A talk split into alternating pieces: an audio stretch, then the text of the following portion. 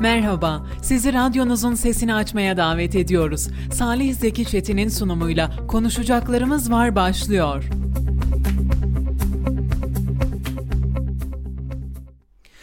...91.8 Radyo Radar'dan hepinize mutlu günler sevgili dinleyiciler. Konuşacaklarımız var programında ben Melih Kamış. Ben Salih Zeki Çetin. Sizlerle yine yaklaşık bir saat boyunca günü gündemi değerlendirmeye devam edeceğiz.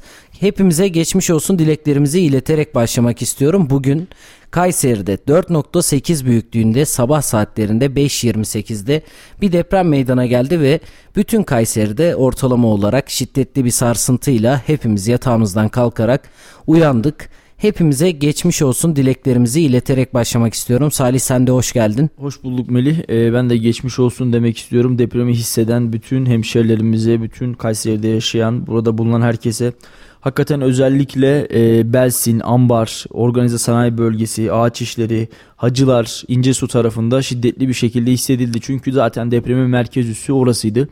E, ben de biliyorsun Belsin'de yani Keykubat tarafında oturuyorum. Gerçekten çok ciddi bir sarsıntıyla uyandık. Ee, şöyle söyleyeyim hatta ben açık bir şey söylemek gerekirse Kahramanmaraş depreminde biz yine burada aynı evde ben yaşamıştım. Ee, bu deprem Kahramanmaraş depreminden daha şiddetliydi. Daha e, sarsıcıydı çünkü merkez üssünün Kayseri olması hasebiyle biraz daha fazla ve yoğun olarak hissettik. E, deprem olmaya başladığı anda hemen uyandık ve hayat üçgenini oluşturarak yatağın kenarında beklemeye başladık depremin bitmesini. E, Maraş depremi kadar uzun sürmedi. 18 saniye kadar sürmüş yanılmıyorsam deprem. Ama şunu ifade etmek gerekir, gerekir ki e, daha korkutucuydu. Çünkü e, özellikle Belsin tarafında elektrikler bir anda kesildi. Kafamı camdan şöyle uzattığımda her yerin karanlık olduğunu gördüm. Tam manasıyla kapkaranlıktı ve e, o an içimden şunu geçirdim. İnşallah merkez üssü Kayseri'dir. Çünkü böyle şiddetli bir sarsıntının eğer merkez üssü Kayseri değilse zaten vay halimize aynı Maraş'taki gibi büyük bir depremle karşı karşıya kalacaktık. E, akabinde hemen toparlanarak aşağıya doğru inmeye başladık ama e, açıkçası biraz karanlığın çökmüş olması ve elektriklerin gitmiş olması olayın ürkütücülük boyutunu biraz daha arttırdı. Çünkü elektrikler kesilmişti ve inşallah herhangi yıkılan bir yer yoktu yoktur diye kendi içimden geçirdim. E, benim evim 10. katta ve merdivenlerden aşağı inerken 4.7 büyüklüğünde bir deprem meydana geldiğini, Kayseri merkezli olduğunu gördük. Çok şükür herhangi bir yıkım Kayseri'de yok. Zaten e, deprem olduğu andan itibaren hem belediyelerimiz hem devletimizin tüm kurumları bütün gücüyle sahadalar, tespit çalışmalarını yapıyorlar. E, vatandaşlarımızın güvenliği ve huzuru noktasında var güçleriyle çalışıyorlar. Ellerine emeklerine sağlık herkesin. E, çok şükür can kaybının yaşanmamış olması bizim için en büyük teselli. Tabi maddi hasarlar yok mu? E, tabii ki var. Yani özellikle e, organize sanayi bölgesinde, ağaç işlerinde, belli binalarda ağır hasarlı binalarda e, ciddi manada şunu söyleyelim e, hasar var. E, yok desek yalan olur ama yıkım yok. Çünkü e, Kayseri'de gerçekten şehir planlaması adına yapılan yeni binalarda en azından e, hasarın bile az olduğunu görüyoruz. Bu da aslında kentsel dönüşümün ve yeni yapılan binaların ne kadar e, önemli olduğunu gözlerimizin önüne bir kez daha seriyor. E, bu vesileyle ben de bir kez daha tüm vatandaşlarımıza, tüm hemşerilerimize, kardeşlerimize ve bizlere geçmiş olsun diyorum. E, Allah tekrarını yaşatmasın çünkü gerçekten hepimiz için korkutucu bir süreçti. Tabi depremler oluyor Melih. E, yıkım yok ama binalar yoruluyor, betonlar yoruluyor, insanların psikolojileri yoruluyor, yıpranıyor ve e, bunun gölgesinde Çocuklar büyüyor, aileler yaşamlarına devam ediyor. Allah beterinden saklasın. Tabi Elbistan'ı, Maraş'ı, Hatay'ı, Adıyaman'ı, Malatya'yı ve diğer yıkım olan şehirleri gördüğümüzde halimize çok şükür diyoruz. Sadece sallanıyoruz. Ama sallantısının bile korkusunun e, yüreğimizde yaratmış olduğu etkiyi hep birlikte burada biliyoruz ve yaklaşık olarak bir aydır da hatta bir ayı geçkin bir süredir de e, Kayseri ve Türkiye deprem gerçeğiyle yüzleşmiş durumda. Tabi gün içerisinde artçı sarsıntılarımız da oldu ufak ufak 2.7, 2.5, 3.1 gibi artçı sarsıntılarımız da oldu. Hani artık öyle ki bu artçı sarsıntıları gün içerisindeki koşturmamızdan dolayı hatta hissetmedik desek yeridir. Bugün mesaiye depremle birlikte başladık. Sabah saatlerinde buradaki programın hemen ardından Kayseri Büyükşehir Belediyesi'ne geçtik ve Belediye Başkanı Memduh Büyükkılıç'tan olayla ilgili bu büyük depremle ilgili görüşlerini aldık. Sahada olduklarını söylediler. Tam manasıyla teyakkuzda olduklarını söylediler. Ve e, yine hasar gören cami minareleri vardı. Cami minarelerinin bir kısmının da hasar gördüğünü, tahrip olduğunu yine Memduh Başkan iletti. E, onlarla alakalı da bugün sanırım bir tanesinde yıkım çalışması da yapıldı Belsin'deki bir camide. E, cami minaresinde yıkım çalışması yapıldı ve orada güvenli bir şekilde en azından vatandaşlarımızın burnu bile kanamadan e, o minarenin yıkımı gerçekleşmiş oldu. E, tabii sabah Mustafa abi de yayında değindi ama ben söylemeden geçemeyeceğim. Geçtiğimiz günlerde merkezin depre, e, depremin merkez üssü olan e, İncesu ilçesindeydik. Orada Sarıkürklü köyündeydik ismini de yanlış telaffuz etmek istemiyorum. E, orada bir cami minaresinin yattığı böyle birkaç derecelik bir açıyla eğildiğini söylediler. E, gittiğimizde oraya gerçekten ben çok şaşırdım Melih. Çünkü e, küçük yani e, şöyle söyleyeyim bir konteynerden biraz daha büyük belki birkaç konteyner kadar e, bir mesafede bir büyüklükte bir cami inşa etmişler ama onlarca metre yükseklikte bir minare yapmışlar. Hatta ben e, şakayla karışık hem İncesu Belediye Başkanı'na hem İncesu Kaymakamı'na dedim ki e, camiye minare yapmamışlar adeta minareye cami yapmışlar. Çünkü minare camiden devasa kat ve kat daha büyüktü. Tabi bir şeyleri ihtişamlı bir şeyleri görkemli yaparken onun statiğini de akabinde bırakacağı etkiyi de yaratacağı bizdeki e, sıkıntıları da göğüslememiz ve düşünmemiz gerekiyor diye düşünüyorum. Bu konuda Kayseri zor bir sınavdan geçiyor ama e, inşallah el birliğiyle hep birlikte bu zor günleri de aşacağız. İnşallah hiçbir vatandaşımızın e, burnu bile kanamadan bu deprem sürecini, bu doğal afet sürecini e, hep birlikte inşallah e, atlatacağız diyorum. Tabii şunu ifade etmekte fayda var. Biz bir deprem ülkesiyiz. Her gün de deprem olabilir. Hani Allah etmesin belki önümüzdeki bir yıl boyunca her gün biz bu depremi yaşayacağız da olabilir. Bununla alakalı olarak binalarımızı sağlam yapmalıyız. Yüksek katlardan uzak durmalıyız ki yüksek katta oturan biri olarak bunu söylüyorum. Deprem gerçeğiyle yüzleştiğiniz zaman gerçekten o merdivenleri üçer beşer inmeye başladığınız zaman hayatta hakikaten e, apartman dairelerinden çok daha konforlu yerlerin olduğunu anlıyorsunuz. İşte eskiden apartmanlar lükstü. Herkes apartmanda yaşamak isterdi ama şimdi ufak bir bahçeli evim olsun, tek göz bir yerim olsun da oraya gideyim dediğinizi duyar gibiyim değerli dinleyenler. Çünkü ben de sabahın ilk ışıklarında aynı şeyleri kendi içimden geçirmiştim. Yatay mimarinin önemini bir kez daha anladık. Yatay mimarinin değerini bir kez daha anladık ve şunu e, artık ben yetkililerden rica ediyorum en kısa sürede umarım tüm yüksek katlı binalar yerini yatay mimariye bırakır. En fazla 3 kat 4 kat hadi olsun 5 kat TOKİ mantığıyla blok beton şeklinde perde beton şeklinde umarım e, böyle binalar yapılır ve depremde en az hasarla en az çatlakla en az can ve mal kaybıyla hiç can kayıpsız en az mal kaybıyla inşallah bu süreçleri atlatabiliriz diye umut ediyorum. Salih benim uykum biraz ağır. Normalde ben kolay kolay uyanan bir insan değilim. Biliyorum. yani o yüzden Deprem olduktan sonra aslında biraz da psikolojilerimiz hepimizin etkilendi. Bu korku sadece dinleyicilerde ya da psikolojik travma geçirenlerde değil, Kayseri'de yaşayan çoğu kişide bu psikolojik travmanın olduğunu düşünüyorum. Hakeza dünkü depremde normalde hayatta uyanmam dediğim olaya uyandım ve bir baktım sallanıyoruz. Ayağa kalktım o an şoka girmişim zaten ne yapacağımı da bilmiyorum. Yani yan tarafta kuzenim yatıyor onu uyandırmak için Seslenmem lazım sesim çıkmıyor. Yürümem lazım yürüyemiyorum. Ve ardından yavaş yavaş artık deprem durulmaya başlayınca insanların da hepimizin de sokağa indiğini görmüş olduk. Evet. Hepimize geçmiş olsun. Gerçekten ne kadar sürecek, nasıl olacak tabii ki bunu bilimsel olarak bir izah yok. İşte bir de bir sonraki deprem ne zaman gerçekleşecek bilmiyoruz. Kimse Bilmiyoruz bilmiyor. ki evet. O yüzden Tedbirli olmakta fayda var. Bu süre zarfında ne tedbir alabiliyorsak fayda faydadır. Hala yakın çevremle konuşuyorum. İşte en azından deprem çantanızı hazırladınız mı artık diyorum. Bak depremin sıfırıncı saniyesine hazırlı olmak diye bilim adamlarının da bunun da üzerine konuştuğu birçok makale de var, söyleşi de var, her şey var. Aslında deprem olduktan sonra tabii ki derslerimizi çıkartacağız. Eksik yediğimiz ne varsa yapacağız ama Depremin sıfırıncı saniyesine yani deprem olmadan önce ne gibi hazırlıklar yapıyoruz bunu iyi kavramamız lazım. En basit bildiğimiz olay nedir? Deprem çantası hazırlamak. Evet. Ya da çök, kapan, tutun. Bu pozisyona en azından bilinçli bir şekilde yapabilecek düzeye gelmemiz gerekiyor. Ama hala bak o kadar deprem atlatmamıza rağmen Kayseri'de o kadar deprem geçirmemize rağmen birçok tanıdığımla konuşuyorum ve hala deprem çantalarının hazır olmadığını görüyoruz. O yüzden bazı eksiklerimiz ya olsa ne olmasa ne bu mantıktan çıkmamız lazım. Alınacak tedbirleri kendimizin de artık yavaş yavaş uygulamamız lazım ki bundan sonra olabilecek her türlü depreme karşı tedbirli olmamız gerekiyor. Çünkü biliyoruz Türkiye olarak biz yıllar öncesinde, yüz yıllar öncesinden beri Türkiye deprem ülkesi. Bu gerçekte yüz yüze gelmemiz lazım ki kendi tedbirlerimizi aldığımız sürece içimiz rahat kafamızı yastığa koyduğumuz zaman rahat bir uyku çekeriz. İşte e, Melih yani bu bugünün işi değil bu geçmiş yılların ya da önümüzdeki yılların belki 10 yılların ya da geçmiş 10 yılların işi. Biz 99 depremi gibi acı bir tecrübeyi e, hala her yıl dönümünde en kalbi ve en derin duygularımızla anarken bunun üzerine Elazığ depremini, Van depremini, İzmir depremini, Malatya depremini ve en son olarak Kahramanmaraş depremini gördük. E, artık bu fayların ne kadar büyüklükte bir deprem üreteceği hususunda da hala bir şeyleri kestiremiyoruz ve e, bir uzman çıkıyor 7 olabilir diyor, bir uzman çıkıyor 5.5-6 olabilir diyor.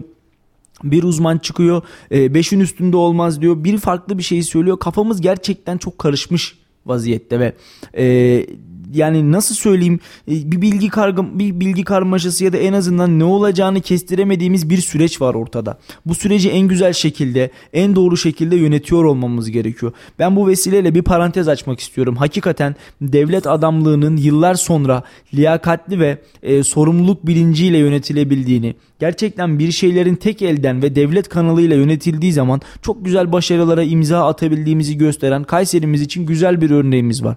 Ben buradan e, Kayseri Valimiz Gökmen Çiçek'i e, tebrik etmek, kendisine teşekkür etmek istiyorum. Gerçekten şehrimize geldiği andan, şehrimize adım attığı andan itibaren Afyon'dan uğurlanışıyla zaten biz kendisinin e, ne derecede etkili olabileceğini kestirebiliyorduk. Ama Kayseri'de göreve başladığı andan itibaren gerçekten ben ilk günkü heyecanını hatırlıyorum ve hatta şehit ailelerine giderek e, Vali Gökmen Çiçek mesaisine başlamıştı. Hiç unutmuyorum yine bu mikrofondan kendisine teşekkür ederek ben de görev sürecini başlatmıştım. Ben bir kez daha Gökmen Çiçek'e teşekkürlerimi iletmek istiyorum. Çünkü gerçekten Kayseri'de uzun bir süredir yapılmayan şeyi Gökmen Çiçek yaptı ve başardı. Akabinden olduğu Sayın Valimiz Kahramanmaraş'a koordinatör vali olarak depremin olduğu ilk gün hatta ilk saat e, atanmış oldu. Akabinde aradan geçen 15 günün ardından Elbistan'a atandı ve 15 günlük süreci bugün tamamlamış olarak da Adıyaman'a koordinatör vali olarak atandı Gökmen Çiçek. Bu noktada oradaki yaraların sarılması, Gökmen Vali'nin bölgedeki etkinliği ve e, insanlarla olan diyaloğu, iş bitiriciliği, sorumluluk alması, hırsı, vatandaşa yardım etme isteği gerçekten takdire şayan ve ben bugün bir kez daha şunu fark ettim, şunu anladım ki vatandaşlarımız sadece ama sadece yetkili ağızlardan gelecek açıklamaları bekliyor. Sayın Valimiz burada olmuş olsaydı bu açıklamaları çok rahat bir şekilde dillendirebilirdik ama bizler bu deprem sürecinde belki de Kayseri halkına bilgilendirmeyi tam manasıyla yapamadığımız için bu sıkıntıları yaşadık. Bugün e, Kayseri halkının en büyük tedirginliği tam manasıyla yetkili ağızlardan bilgilendirmeleri alamamış olması. Yine geçtiğimiz günlerde hatırlayacaksın Sayın Valimiz Kayseri'ye geldi ve burada basınla buluştu. AFAD Koordine Merkezi'nde bizler de canlı yayınla izleyicilerimize aktarmıştık. Yine orada da Melih Sayın Valimizin e, vatandaşa karşı olan tutumu, gazetecilerin sorularını yanıtlaması ve gerçekten yetkili bir ağızdan sıkıntı yok, Kayseri'de yıkım yok, merak etmeyin demesi bile devletin şefkatli elini, devletin şefkatli yüzünü Sayın Valimiz aracılığıyla bizlere bir kez daha iletmişti. Bugün de e, Büyükşehir Belediye Başkanımız kameraların karşısına geçti. Benzer şeyleri söyledi aslında ama vatandaşın buna ihtiyacı var. Vatandaşın gerçekten güven duygusunun aşılanmasına yetkili ağızlardan, devlet kanalıyla, devlet devlet eliyle, büyük Türk devletinin eliyle gerçekten deprem noktasında hazır olduğumuzu ve hiçbir vatandaşımızın burnunun bile kanamayacağının söylenmesine ihtiyacı var. Gönül rahatlığıyla çocuklarımızı okula gönderebiliriz demesine ihtiyacı var. Türk devleti büyük evet ama Türk devletinin sorumluluk alan yöneticilere ihtiyacı var. Devletimizin en şefkatli yüzünü, devletimizin en şefkatli elini bizlere gösterebilmesine ihtiyacı var diye düşünüyorum. Ben bu noktada Sayın Valimize ekibine, emeği geçenlere gerçekten bir ayı aşkın bir süredir kendi ailesinden, kendi şehrinden, kendi memleketinden uzak bir şekilde eşini, çocuklarını burada bırakarak devlet beni çağırıyorsa gitmem gerekiyor anlayışıyla adeta Kahramanmaraş'ta, akabinde Elbistan'da yapmış olduğu hizmetlerden ötürü ve şu anda da Adıyaman'da yap, yapacak olduğu hizmetlerden ötürü bence Sayın Valimize koca bir teşekkürü ülke olarak etmemiz gerekiyor şunu söyleyelim. Ee, bir gökmen çiçek inşallah devamında bin gökmen çiçek yetiştirir bu devlet. Bir gökmen çiçeğe bin gökmen çiçeğe ihtiyacımız var. Gökmen valimiz gibi sorumluluk almasını bilen bürokratlara ihtiyacımız var. Ve inşallah bu süreci sorumluluk alan, inisiyatif kullanan, vatandaşın yaralarını saran, açıklama yapan, yeri geldiğinde devletimizin şefkatli yüzünü, yeri geldiğinde devletimizin demir balyoz yumruğunu e, zalime zulmedene gösterecek olan devlet adamlarına ihtiyacımız var. Bu noktada gerçekten e, bugün de Büyükşehir Belediye Başkanımız içimizi rahatlattı. Şehrin abisi olarak, şehrin büyüğü olarak, şehrin belediye başkanı olarak içimizi rahatlattı. İnşallah e, bundan sonra da süreci hep birlikte bu şekilde yürüteceğiz. Vatandaşlarımıza bir kez daha şunu söyleyelim, çağrıda bulunalım. Resmi kanallardan gelmeyen hiçbir bilgiye vatandaşlarımız itibar etmesin. Bizler de e, böylesine zor ve kritik bir süreçte bize gelen haberleri süzgeçten geçirirken, doğruluğunu teyit ederken işte e, acaba bu haberler gerçek mi diye e, bilgi almaya çalışırken inanın zaman zaman zorluklar yaşıyoruz. E, ama bizi yanıltmak isteyen ya da habercileri yanıltmak isteyen ya da vatandaşı galeyana getirmek isteyen insanlar maalesef kötü niyetli insanlar aramızda da var. Sabah sen de hatırlayacaksın bir video düştü sosyal medyaya. Kayseri'de bina yamuldu diye. E, bizler de ekip arkadaşlarımızla birlikte e, binanın olduğu alana gittik. Melih binada çizik bile yok. Neydi o olay? Sen de gittin gördün bölgeyi. Evet. Ben de videoları gördükten sonra aslında çekim açısıyla ilgili olduğunu siz geldikten sonra öğrendim. Şimdi şöyle e, Kayseri'de Eskişehir bağlarında bir binanın yamulduğuna ilişkin bir video özellikle sosyal medyada dolaşmaya başladı ve herkes aa Kayseri'de bina mı yamuldu diye bir anda birbirine atmaya başladı videoyu ve sonra çığ gibi büyüdü. Bizler de tabi olayın doğruluğunu teyit etmek için alana gittiğimizde şunu fark ettik ki e, bir kod farkı var orada. Yol ve bina arasında bir kod farkı var. Yoldan çekerseniz eğer binayı bina böyle hafif sanki sola doğru yatmış, meyil etmiş gibi bir görüntü ortaya çıkıyor. Bu da aslında binanın zemini ya da binadan dolayı değil, yolun zemini ve yoldan dolayı ve sizin çekim açınızla alakalı.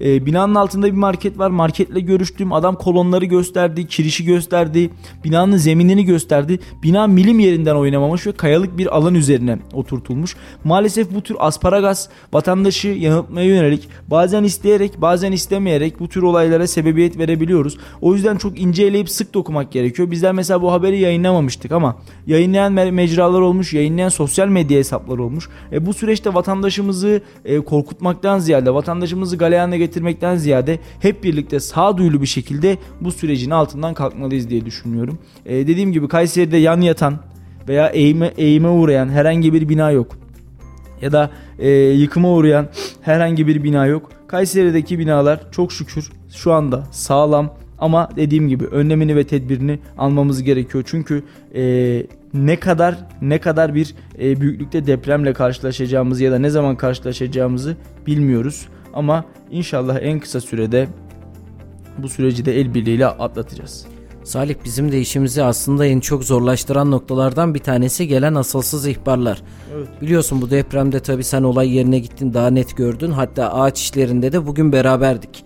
Oradaki durum nedir? Ağaç işlerinde çok fazla yıkım olduğunu ve şiddetli bir hasar aldığı ile ilgili haberler vardı. Hemen bugün çıktık gittik baktık. Evet hasar var mı var. Yine kolonlarda var, kirişlerde var, duvarlarda hasarlar var, çatlaklar oluşmuş.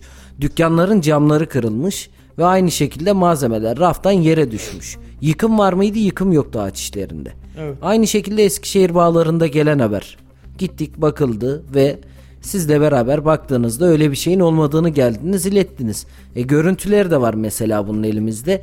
Çizik olmadığına dair. Bir önceki depremi hatırlayalım Salih birkaç tane yerden asılsız ihbarlar gelmişti. İşte şurası hasar aldı mutlaka gidilip bakılması lazım. Gidiyoruz bakıyoruz çizik yok. Tamam burası değilmiş şurasıymış oraya gidiyoruz yine yok. Şimdi Melih ben e, geçen depremde de aynı şeyi yaşadık. E, işte Belsin'de bir bina çökmüş.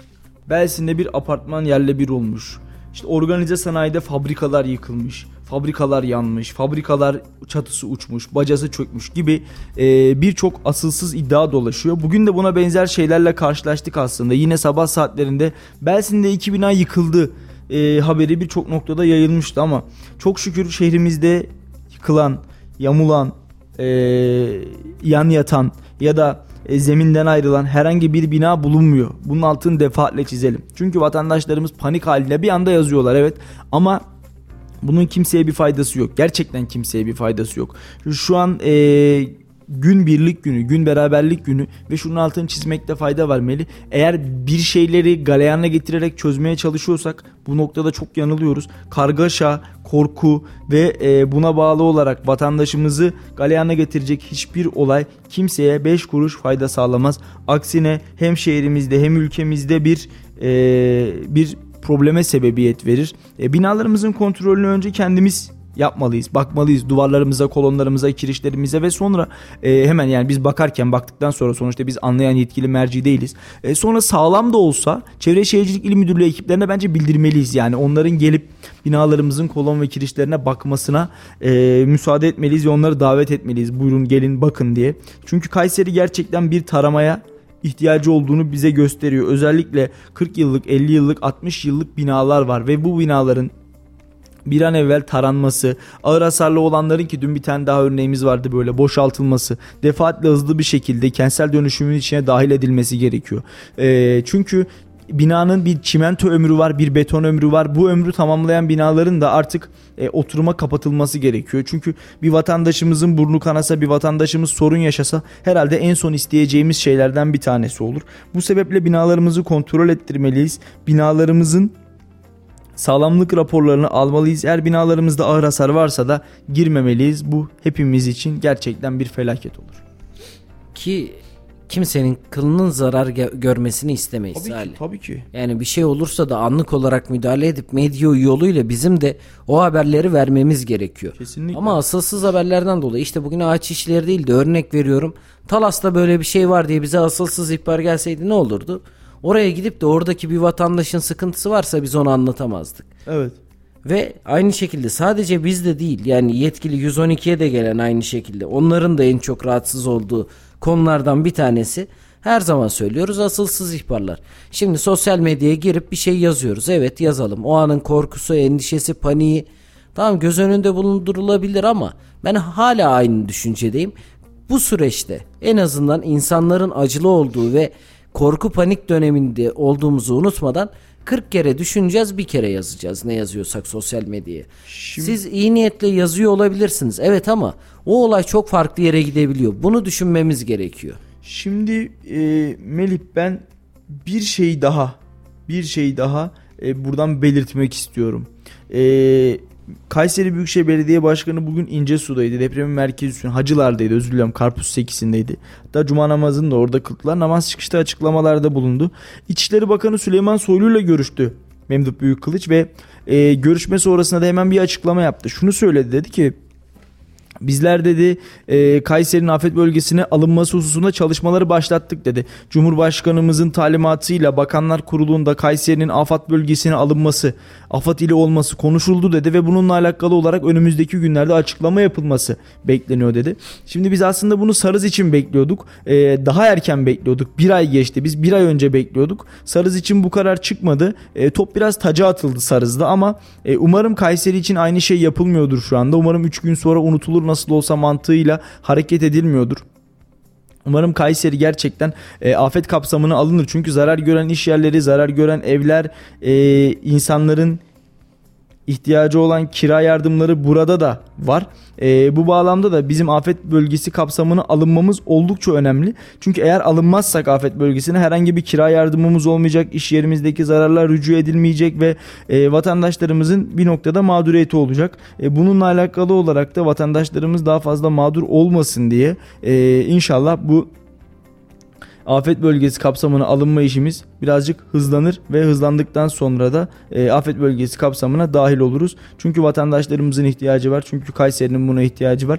Evet belki afet bölgesi kapsamına alınması depremleri durdurmayacak. Belki dayanık binaları bir anda dayanıklı hale getirmeyecek ama e, bak baktığımız zaman e, vatandaşlarımızın en azından hem e, evi boşaltılan vatandaşlarımıza kira yardımları gelecek. Hem e, iş yeri zarar gören vatandaşlarımıza yardımlar yapılacak. Onların e, zararları rücu edilecek. Hem de vatandaşlarımızın en azından içi bir noktada daha rahat edecek diye düşünüyorum. Ben bu noktada afet kapsamına alınmamız hususunda birazcık daha gerekli adımların hızlı atılması gerektiğini düşünüyorum. Dediğim gibi bugün zaten Büyükşehir Belediye Başkanımız, e, İçişleri Bakanımız Sayın Süleyman Soylu ile görüştükten sonra kameraların karşısına geçip bir açıklama yaptı ve e, kısa sürede açık açıklama yapılacak dedi. Dediğim gibi inşallah e, Sarız'ın olayına dönmez. İnşallah Kayseri afet bölgesine girmek için bir ay daha beklemek zorunda kalmaz Melih. İnşallah çünkü afet bölgesine alınması ile ilgili hem bugün belediye başkanımızın aynı zamanda da geçtiğimiz günlerde valimiz buraya geldiğinde valimiz de aynı konuya değinmişti. Biz gerekli görüşmeleri yaptık ve gerekli başvurularımızı yaptık. Artık haber bekliyoruz şeklinde bir cevap verilmişti. Bu saatten sonra bizim de aslında elimizden çok fazla bir şey gelmiyor. Başvurular yapıldı ve sadece açık açıklamaya, gelecek açıklamaya kulaklarımızı kaparttık, bekliyoruz. Bundan sonrası için de inşallah alınır. Neden alınır? Çünkü tamam şehir merkezinde biz bunu çok fazla hissetmiyoruz belki ama Sarız'da ahırlarında telef olan hayvanlar vardı. Aynı şekilde hasar gören binalar var. Yıkıma uğrayan evler vardı. E bugün gittiğimizde İncesu'da Hacılar bölgesinde yine oturulmasa bile hasar gören binalar var. Bunların yardımlardan, teşviklerden faydalanabilmesi adına önemli bir gelişme olur. Çok şükür bizi mutlu eden tarafı her zaman söylüyoruz. Can kaybının yaşanmamış olması. Kesinlikle. Tabii ki mal bir şekilde halledilir. Bugün olmaz yarın olur belki ama bizi tek mutlu eden şey bugün Kayseri'de yine bir can kaybının yaşadığımız depremle beraber bir can kaybının yaşanmamış olması oldu. Kesinlikle. Melih bu arada e, bugünü ilgilendiren bugün için gündemimize almamız gereken önemli konulardan bir tanesi de hiç kuşkusuz ki Sayın Cumhurbaşkanı'nın yapmış olduğu açıklamaydı bence.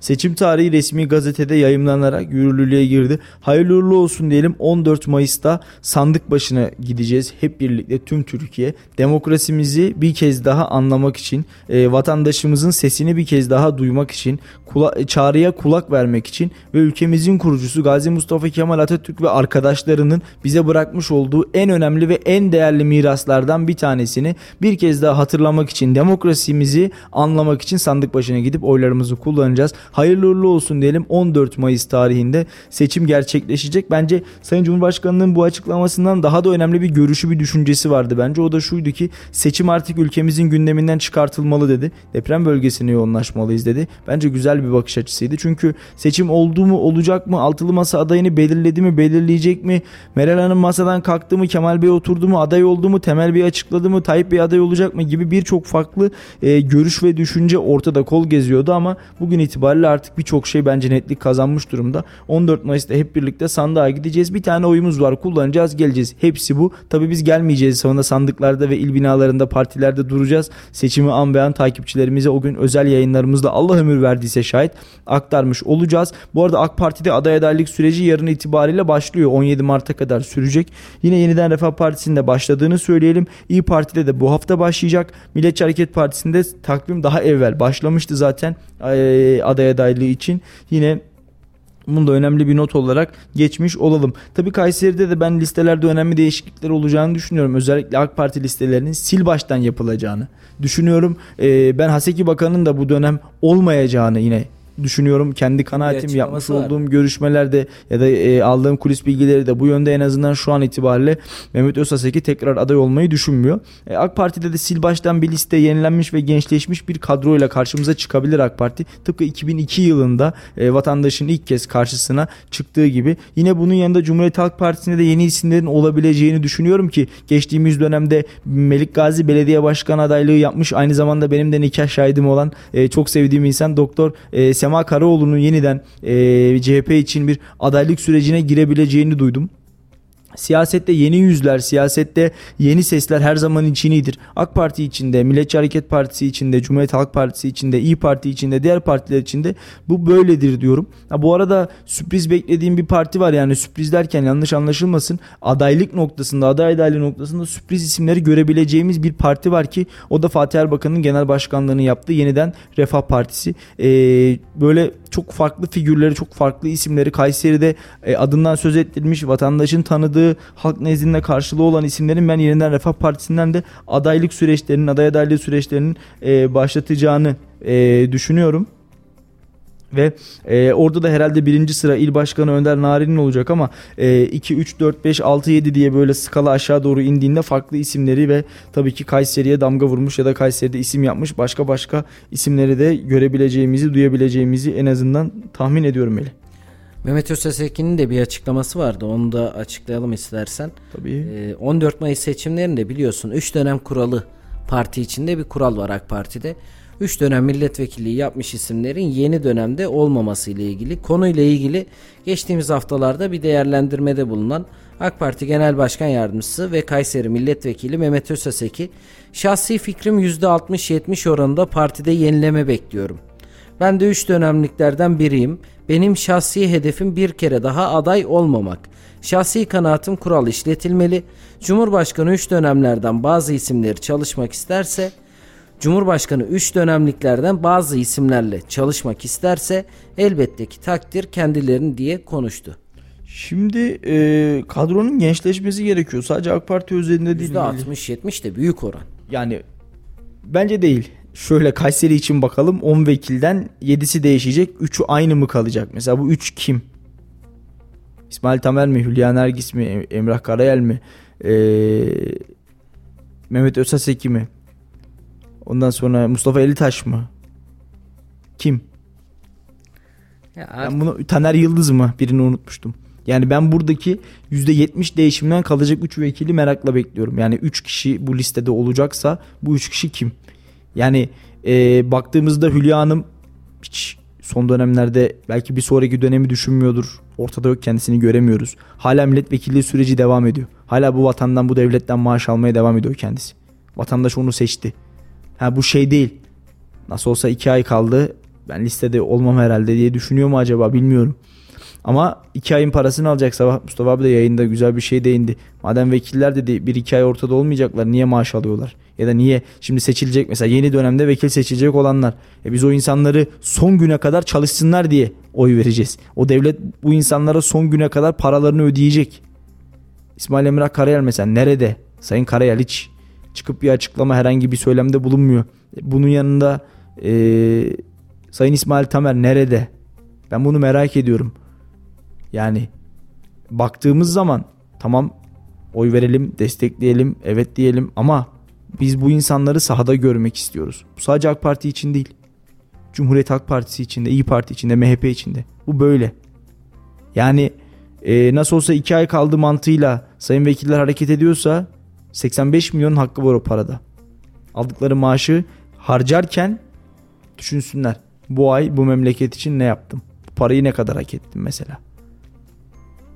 Bence bunlara hesaba katmaları gerekiyor. Ve yeni seçeceğimiz vekiller de bir sonraki dönemde Allah ömür verir oy kullanmaya sandığa gidecek olursak son iki ay kala listeler açıklanma veya teamül yoklamasından önce onlar da mı ortadan kaybolacak acaba? Şimdi seçilmek için vatandaşa bin bir vaatte bulunacaklar. Bir sürü şey söyleyecekler. Uçacağız, kaçacağız, şunu yapacağız, bunu yapacağız. Kayseri'nin sesini duyuracağız, adını andıracağız, sorunları çözeceğiz. E son iki ay kala nasıl olsa ben yokum deyip kenara mı çekecekler? Yani bu bakış açısına tamamen karşıyım. Diğer şehirlerde de durum buysa vay meclisin haline. Aslında her yerde önce. Yani sadece Kayseri'de olduğunu düşünmüyorum. En azından şahsi fikrim olarak. Çünkü seçim atmosferine girince bundan sonra ne olacak? Tabii ki seçim çalışmaları başlayacak. Ama vekiller maaşını almaya devam edecek mi edecek? Hepimiz üzen nokta o. E şimdi diğer taraftan %60-70 diyoruz ama %60-70 değiştiğinde yüzde kaç oranı yine yaşlı, bize göre yaşlı, bazı siyasi partilere göre tecrübeli isimler gelecek. Ya da biliyorsun bir önceki seçimlerde seçme ve seçilme yaşı seçilme yaşını 18 yaşına indirdik. Melih, Milletvekili olabiliyor. Bu arada bir noktayı e, Sayın Soylu açıklamış. Son dakika gelişmesiyle araya gireyim istersen. Tabii ki. Kahramanmaraş merkezi depremlerde 47.932 kişinin nüfusta ölüm tescil işlemlerinin gerçekleştirildiğini söyledi. 47.932'ye yükseldi rakam. Allah e, bunlar nüfusta tescil işlemleri gerçekleştirilenler. Kayıplar, nüfusta bildirmeyenler, yakınını kendisi gömenler, e, hiç tanıdığı olmayıp ölenler, kimliği tespit edilemeyenler bunlar hariç yani bu rakamın ne, nelere çıkabileceğini ya da neler olabileceğini hepimiz az çok kestirebiliyoruz. E, ee, 47.932 kişiden 6.265'i de yabancı uyrukluymuş. Bunu da söyleyelim. E, tabii biz hani bir ayrım yapmak için değil sadece orada Sayın Bakan açıkladığı için bunu da vurgulamış olalım onu da söyleyeyim. Allah, Allah rahmet eylesin. eylesin. Mekanları cennet olsun gerçekten. Mekanları cennet olsun. Ee, söyleyecek hiçbir şey yok. Sözün bittiği noktadayız. Depremleri en yoğun şekilde sallantılarını en yoğun şekilde en azından hisseden bir şehir olarak onların acılarını en derinden paylaşıyoruz. Bu arada Yüksek Seçim Kurulu Başkanı Yener açıklama yapmış. Milletvekili aday adayı olmak isteyen kamu görevlilerinin istifasına ilişkin süreç bugün başlamış. 16 Mart Perşembe günü de sona erecekmiş. Biliyorsun kamudan istifa edip aday adaylığı olabiliyorlar. Sonrasında eğer adaylık olmazsa ya da seçim olmazsa kamu görevlilerine tekrar dönebiliyorlar bu sürecin sonunda. Bunu da hatırlatmakta fayda var diyelim. Ee, bu arada bir haber e, Feridun Bey bizimle paylaşmış. Ben de onu okuyayım isterseniz. AK Parti'den Binali Yıldırım ve Ali İhsan Yılmaz yeniden Refah Partisi'ni ziyaret edecekmiş. Ee, bir son dakika gelişmesi yine yaklaşık yarım saat önce e, haber bültenlerine düşmüş. AK Parti Genel Başkan Vekili Yıldırım ve seçim işlerinden sorumlu Genel Başkan Yardımcısı Yavuz saat 18'de Yeniden Refah Partisi Genel Başkanı Fatih Erbakan'ı ziyaret edecekmiş. Ee, herhalde Yeniden Refah Partisi de Cumhur İttifakı'na katılacak olan bir diğer parti diye yorumlayabiliriz en azından benim okuduğum benim gördüğüm şimdilik bu. Sen en ne azından teklif gidecek. Yani hiçbir Teklif şey zaten olmasa- teklif zaten gitti.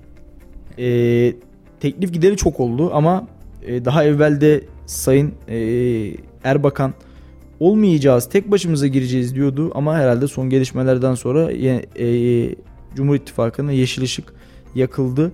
Şöyle söyleyeyim Melih, yeniden Refah'ın e, Ankara'daki olağan büyük genel kurulunu canlı yayınla vermiştik sizler o zaman Konya'da Konya'daydınız değil mi? Konya'daydınız.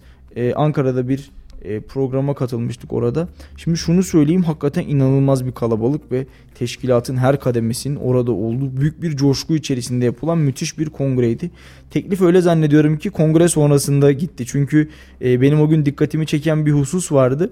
Hemen yanımdaki kameramanın yaka kartında Cumhurbaşkanlığı ibaresi vardı. E, iki kişi gelmişlerdi ve sonrasında aldığım duyumlara göre de e, Sayın Cumhurbaşkanı kongrenin çekimi için ve oradaki atmosferin kendisine e, doğru ve net bir şekilde yansıtılması için özel olarak iletişim başkanlığından talepte bulunmuştu. Cumhurbaşkanlığına bağlı e, çalışma arkadaşlarımız da yani basın mensubu arkadaşlarımız da yine e, oraya gelip bu kongreyi görüntülemişti. Bunu söyleyelim.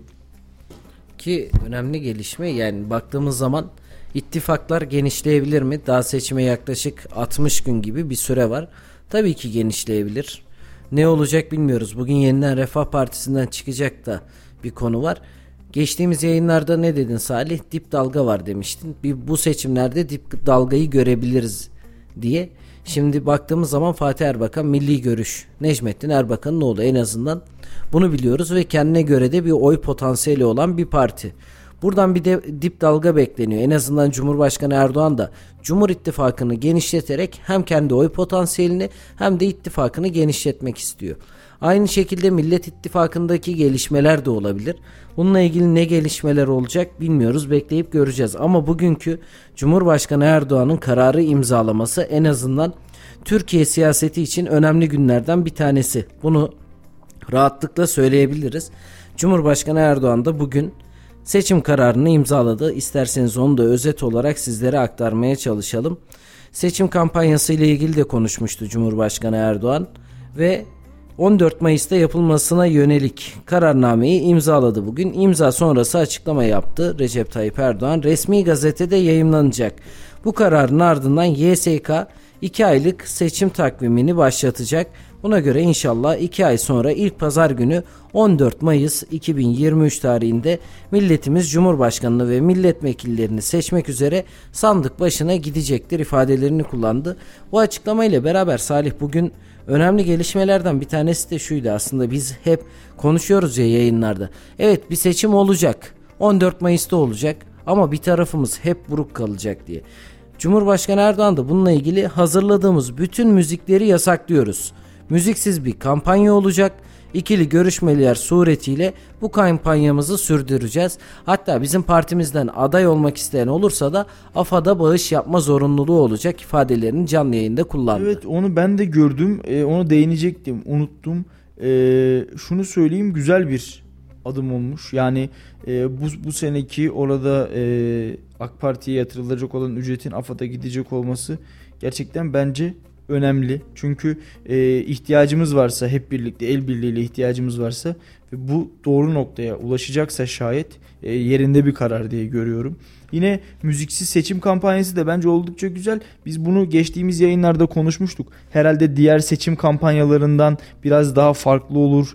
Ee, en azından vatandaşlarımızın acısını paylaşacağımız cinsten çok böyle sesli gürültülü bayraklı o ortalığı yıkıyoruz diyeceğimiz seçim kampanyalarını görmemiz çok doğru ve mantıklı olmaz demiştik. Sayın Cumhurbaşkanı da bence bu konuda kendi partisi özelinde doğru bir karara imza atmış. Umarım diğer siyasi partiler de bir an evvel böylesi bir uygulamaya geçerler de en azından vatandaşlarımızın acılarının olduğu bu günlerde e, bir noktada da olsa onların e, seçim engelmesinde unutulmadığını göstermiş oluruz diyorum. E, bu sadece sadece AK Parti üzerinde değil diğer partiler için de bence oldukça önemli.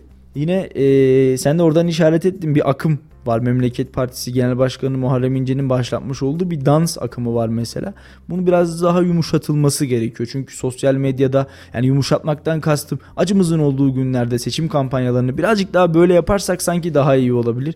Ki Sayın İnce de bence bu konuda bir karar verecektir, bir adım atacaktır diye umut ediyorum. Gelin gövde gösterimizi bu seçim yaraları sarmak için yapalım. Bu seçim müziklerimizi, şarkılarımızı, türkülerimizi, halaylarımızı adına her ne veriyorsanız kazandığımızda atacağımız sevinç çığlıklarını depremzedelere bağışlayalım ve onlarla birlikte hareket edelim. E, bence bu sene kazanan kişi de bence konuşmasını, seçim konuşmasını deprem bölgesinde yapsın. Orada yaraların sarılması için yapsın ve kaybeden taraf ya da kaybeden taraflar gitsin kazananı tebrik etsin etsin, elini sıksın bu ülkeyi birlikte yöneteceğiz desin. Muhalefetiyle iktidarıyla güçlü bir siyaseti Türkiye'nin gündemine oturt oturtacağız desin.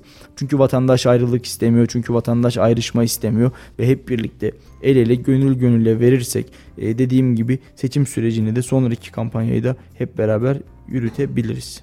Yani seçim sonucu ne olursa olsun şimdi baktığımızda inşallah kazanan Türkiye olur Salih. Çünkü bizim artık kutuplaşmaya değil birleşmeye ihtiyacımız var. Özellikle yukarıda ne kadar söylemlerin sert olduğunu gördüğümüzde bizler en alt tabakada bunu fazlasıyla yaşıyoruz. Bir vatandaş olarak en azından. O yüzden yukarıdan birlik beraberlik gelmeli ki alt tabakadaki vatandaşlar da birleşsinler. Çünkü baktığımız kişi akrabamız, konumuz, komşumuz ve her gün yüz yüze baktığımız insanlar. Sadece siyasi bir söylemden ya da siyasi bir görüşten dolayı düşman olacağımız insanlar değil. Biz bazen bunun sınırını kaçırabiliyoruz ve kaçırdıktan sonra da her şeyi bırakalım bir vatandaş olarak üzülmemek elde değil.